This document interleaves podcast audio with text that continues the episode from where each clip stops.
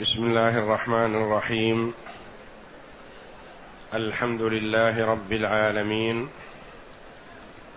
والصلاة والسلام على نبينا محمد وعلى آله وصحبه أجمعين. وبعد. أعوذ بالله من الشيطان الرجيم. إن الله يدخل الذين آمنوا وعملوا الصالحات جنات تجري جنات تجري من تحتها الأنهار يحلون فيها من أساور من ذهب ولؤلؤا ولباسهم فيها حرير وهدوا إلى الطيب من القول وهدوا إلى صراط الحميد.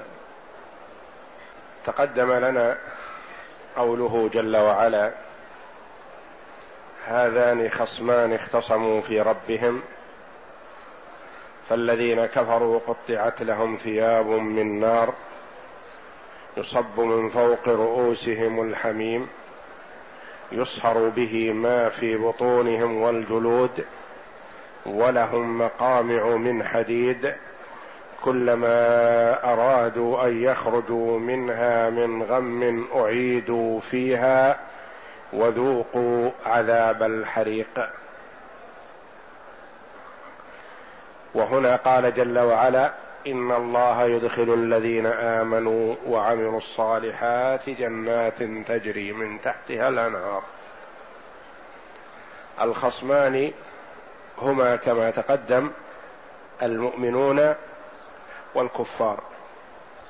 وبين الله جل وعلا مآل الكفار.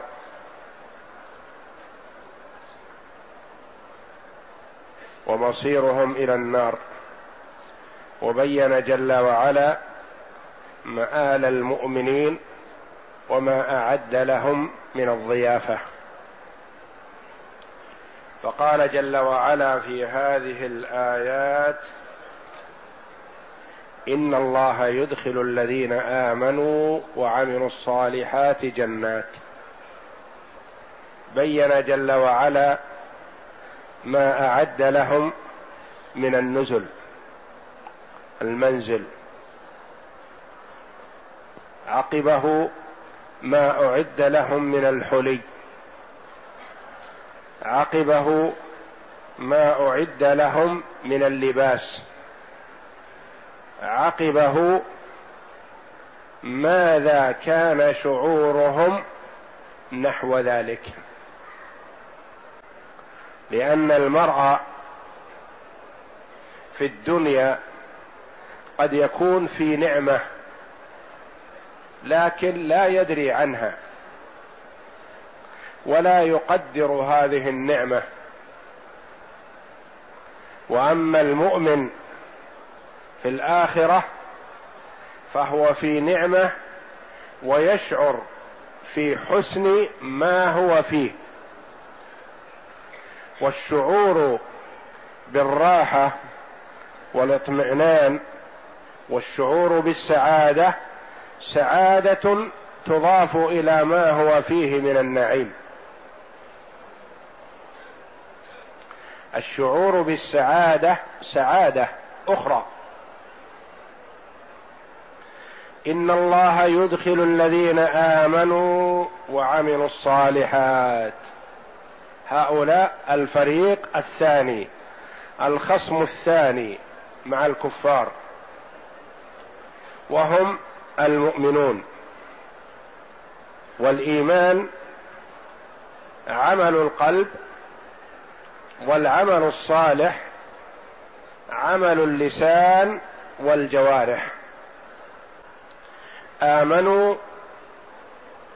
ليس الإيمان مجرد قول أو قول وعمل فهذا القول والقول والعمل يحصل من المنافقين ولا ينفعهم ذلك عند الله جل وعلا. والمنافقون كما قال الله جل وعلا إن المنافقين في الدرك الأسفل من النار. وهم كانوا يصلون ويصومون ويزكون ويخرجون مع الرسول صلى الله عليه وسلم لقتال الكفار. لكن لما لم يصحب ذلك إيمان بالله وتصديق بالله جل وعلا وبكتبه ورسله واليوم الآخر وبالقدر خيره وشره لم ينفعهم هذا القول ولا هذا العمل. فاولا لا بد من التصديق الجازم والاعتقاد اليقين بأن الله جل وعلا هو الواحد الأحد الفرد الصمد الموصوف بصفات الكمال المنزه عن صفات العيب والنقص المستحق للعبادة وحده لا شريك له. إذا عمل الإنسان العمل مجاراة بدون اعتقاد ما نفعه. والعمل الصالح مصدق للاعتقاد الحقيقي الجازم. لأنه لو ادعى المرء الاعتقاد الصحيح والإيمان بدون عمل ما صدق. فلا بد أن يقترنا مع الإمكان. إلا إذا لم يمكن العمل الصالح لم يمهل للعمل الصالح فالاعتقاد حينئذ وحده يكفي. كما تقدم لنا في من كان في صف الكفار مثلا وهداه الله جل وعلا للإيمان فانحرف على من كان معه أصبح يقاتلهم مؤمنا بالله واليوم الآخر فإنه يدخل الجنة إن لو قتل شهيدا دخل الجنة وإن لم يسجد لله سجدة. وكذلك كما تقدم سحرة فرعون. آمنوا فلما لم يمهلهم الله جل وعلا للعمل نفعهم الإيمان بدون عمل. إن الله يدخل الذين آمنوا وعملوا الصالحات. العمل الصالح له شرطان أساسيان. ليس كل عمل ينفع لأن العمل قد يكون مردودا على صاحبه. متى ينفع؟ إذا اقترن بشرطين أساسيين وهما أن يكون خالصا لوجه الله جل وعلا. الثاني أن يكون صوابا على سنة رسول الله صلى الله عليه وسلم. أن يكون خالصا لله فالله جل وعلا يقول فمن كان يرجو لقاء ربه فليعمل عملا صالحا ولا يشرك بعبادة ربه أحدا. يكون العمل لوجه الله جل وعلا. الثاني أن يكون صوابا على سنة رسول الله صلى الله عليه وسلم. يقول الله جل وعلا قل إن كنتم تحبون الله فاتبعوني يحببكم الله. فسد الله جل وعلا جميع الطرق من أن توصل إليه إلا الطريق الذي شرعه رسوله صلى الله عليه وسلم الذي هو على منوال تشريعه وبيانه عليه الصلاة والسلام. فإذا كان العمل لغير وجه الله ما نفع. وإذا كان العمل لوجه الله لكن على خلاف السنة يعني يتقرب إلى الله جل وعلا على خلاف سنة رسول الله صلى الله عليه وسلم ما نفعه ذلك. مثال ذلك مثلا الصيام من أحب العبادات إلى الله جل وعلا. لكن لا بد أن يكون صيام المرء موافق لسنة الرسول صلى الله عليه وسلم. قال المرء مثلا أريد أن أصوم يوم عيد الفطر ويوم عيد الإضحى لأنهما يومان فاضلان. أحب أن أتقرب إلى الله جل وعلا بالصيام فيهما. نقول لا. تقربك هذا يبعدك من الله لأنه بخلاف سنة رسول الله صلى الله عليه وسلم. فالرسول صلى الله عليه وسلم شرع لنا الفطر فيهما وحرم علينا الصيام. فإذا صمت يقول أصوم لوجه الله نقول ولو صمت لوجه الله فذلك يبعدك عن الله لأنك لم تأخذ بالسنة. الرسول نهى عن صيام يوم عيد الفطر ويوم عيد الإضحى. فإذا صمت تكون خالفت السنة فلا ينفعك عملك ذلك. يقول مثلا الصلاة من أحب الأعمال إلى الله. فأنا أريد بعد صلاة الفجر أقوم أصلي أتقرب إلى الله جل وعلا حتى تطلع الشمس. نقول عملك ذلك يبعدك عن الله. لأن الرسول صلى الله عليه وسلم الذي أمرنا بالصلاة وحثنا على التقرب إلى الله جل وعلا نهانا عن الصلاة بعد الفجر حتى تطلع الشمس. وهكذا سائر الأعمال إذا كانت على خلاف سنة رسول الله صلى الله عليه وسلم ما نفعت. قل إن كنتم تحبون الله فاتبعوني.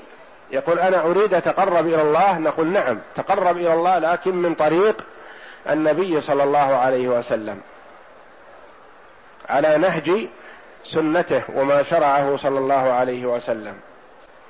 ويقول عليه الصلاة والسلام من أحدث في أمرنا هذا ما ليس منه فهو رد. أحدث بدعة يريد أن يتقرب إلى الله جل وعلا بها. كثير من أهل البدع الآن يعملون البدع على أنهم يتقربون إلى الله عن جهل منهم.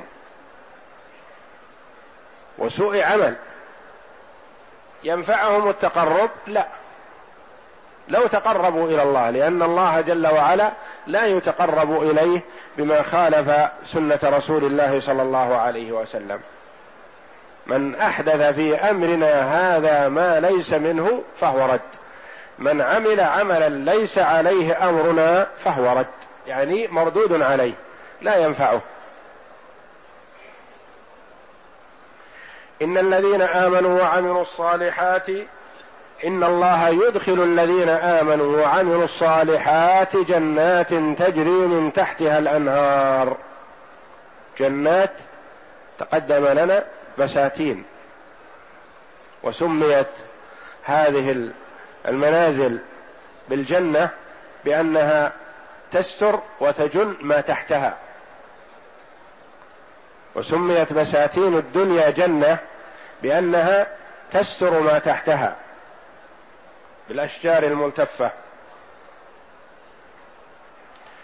جنات تجري من تحتها الأنهار يعني من تحت أشجارها وبساتينها الأنهار. ولم يقل نهرا وإنما هي أنهار كما قال الله جل وعلا في آية أخرى.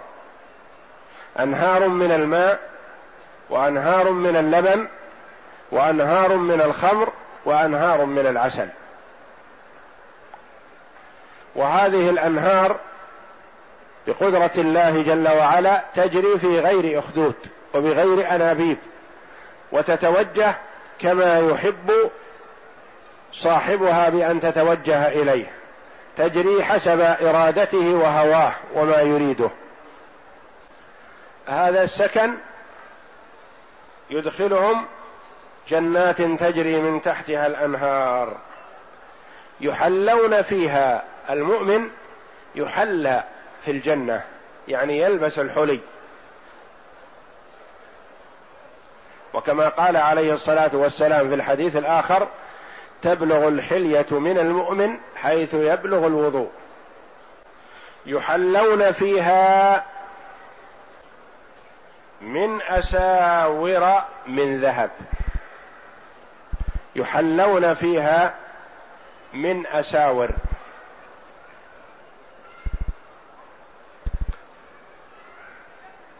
اساور جمع أسورة وأسورة جمع سوار.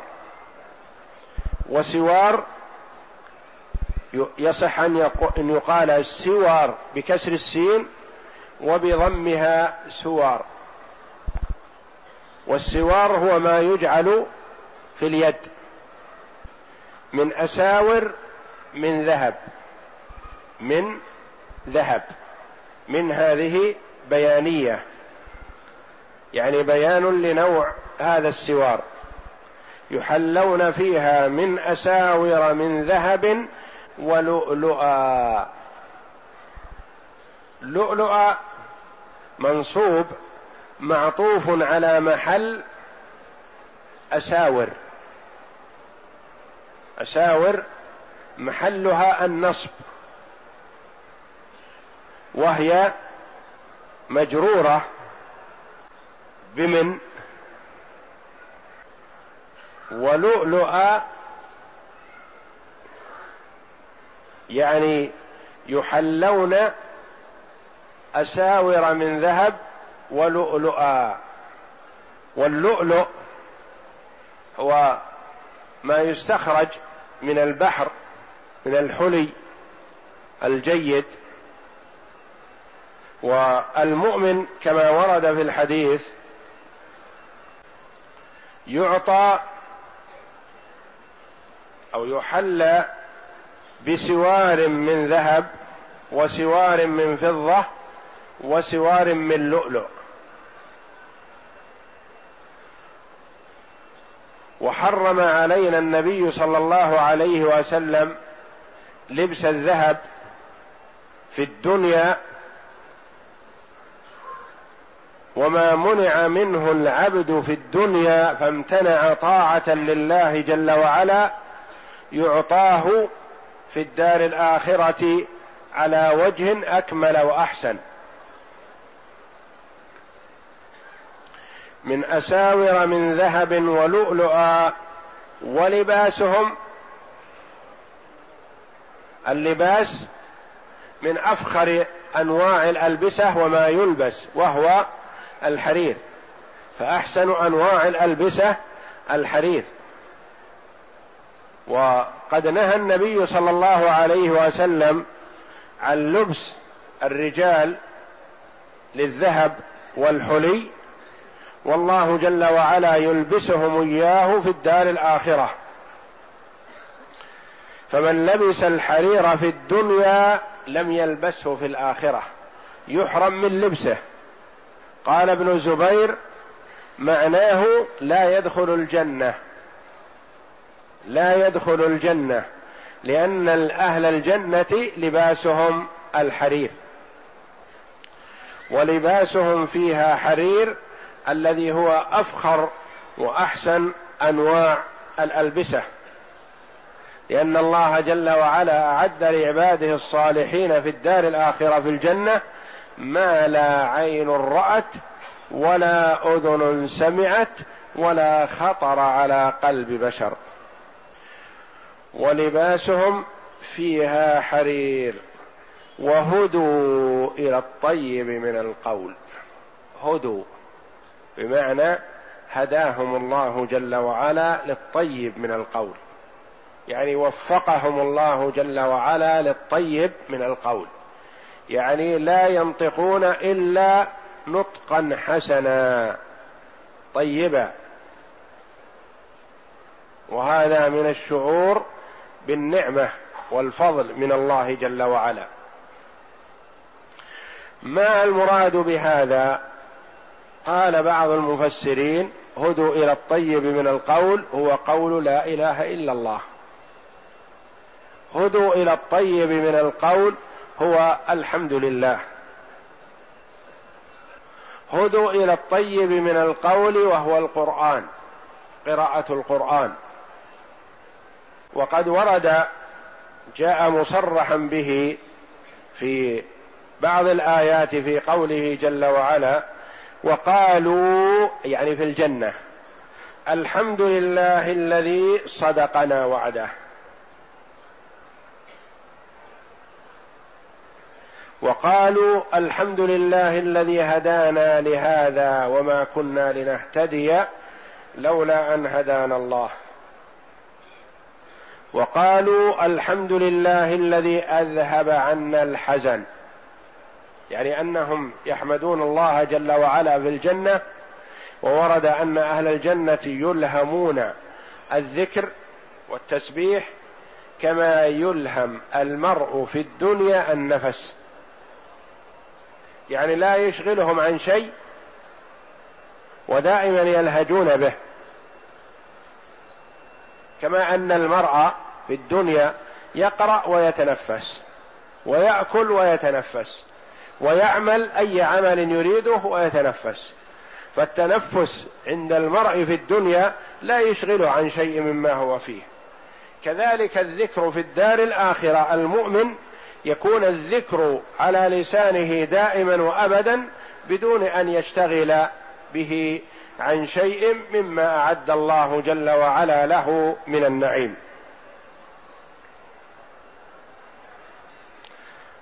وقيل المراد وهدوا إلى الطيب من القول أنهم في مجال الخصومة. في مجال الخصومة مع الأعداء مع الكفار وفقهم الله جل وعلا لأحسن القول. لما قال أبو سفيان وهو في صف الكفار لنا العزى ولا عزى لكم.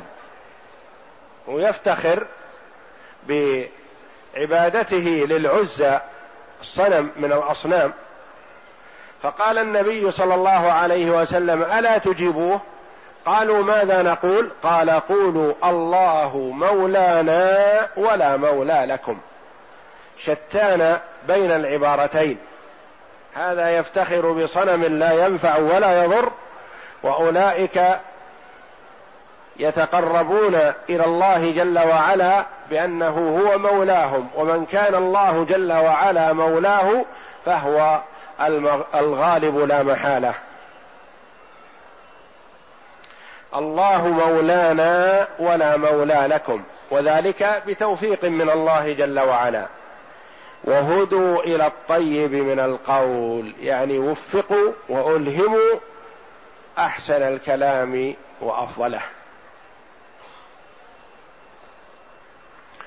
وهدوا إلى صراط الحميد. هدوا إلى صراط الذي هو الطريق والسبيل.